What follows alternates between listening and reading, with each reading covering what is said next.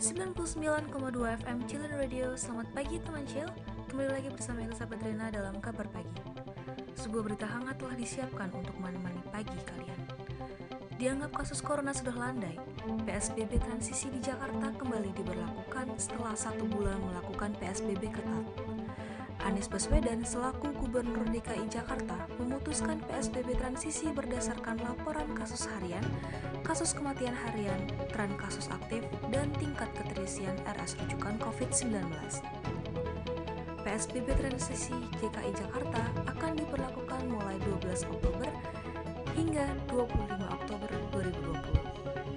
Hal tersebut akan dilanjutkan apabila kasus corona di Jakarta tidak ada peningkatan yang signifikan. Jumlah kasus meninggal yang tercatat dalam tujuh hari terakhir sebanyak 187 orang.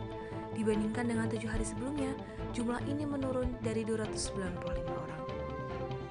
Hal-hal yang dianggap berbeda dalam pemberlakuan PSBB transisi antara lain, pengunjung restoran hingga kafe diperbolehkan untuk makan di tempat dan pengelola kafe dapat menyelenggarakan live music. Selain itu, bioskop diizinkan buka kembali setelah mengajukan persetujuan teknis. Berbagai sektor yang didatangi oleh pengunjung diwajibkan untuk mencatat data pengunjung yang berisikan nama lengkap, 6 digit awal NIK yang tertera dalam KTP, nomor telepon, dan waktu kedatangan.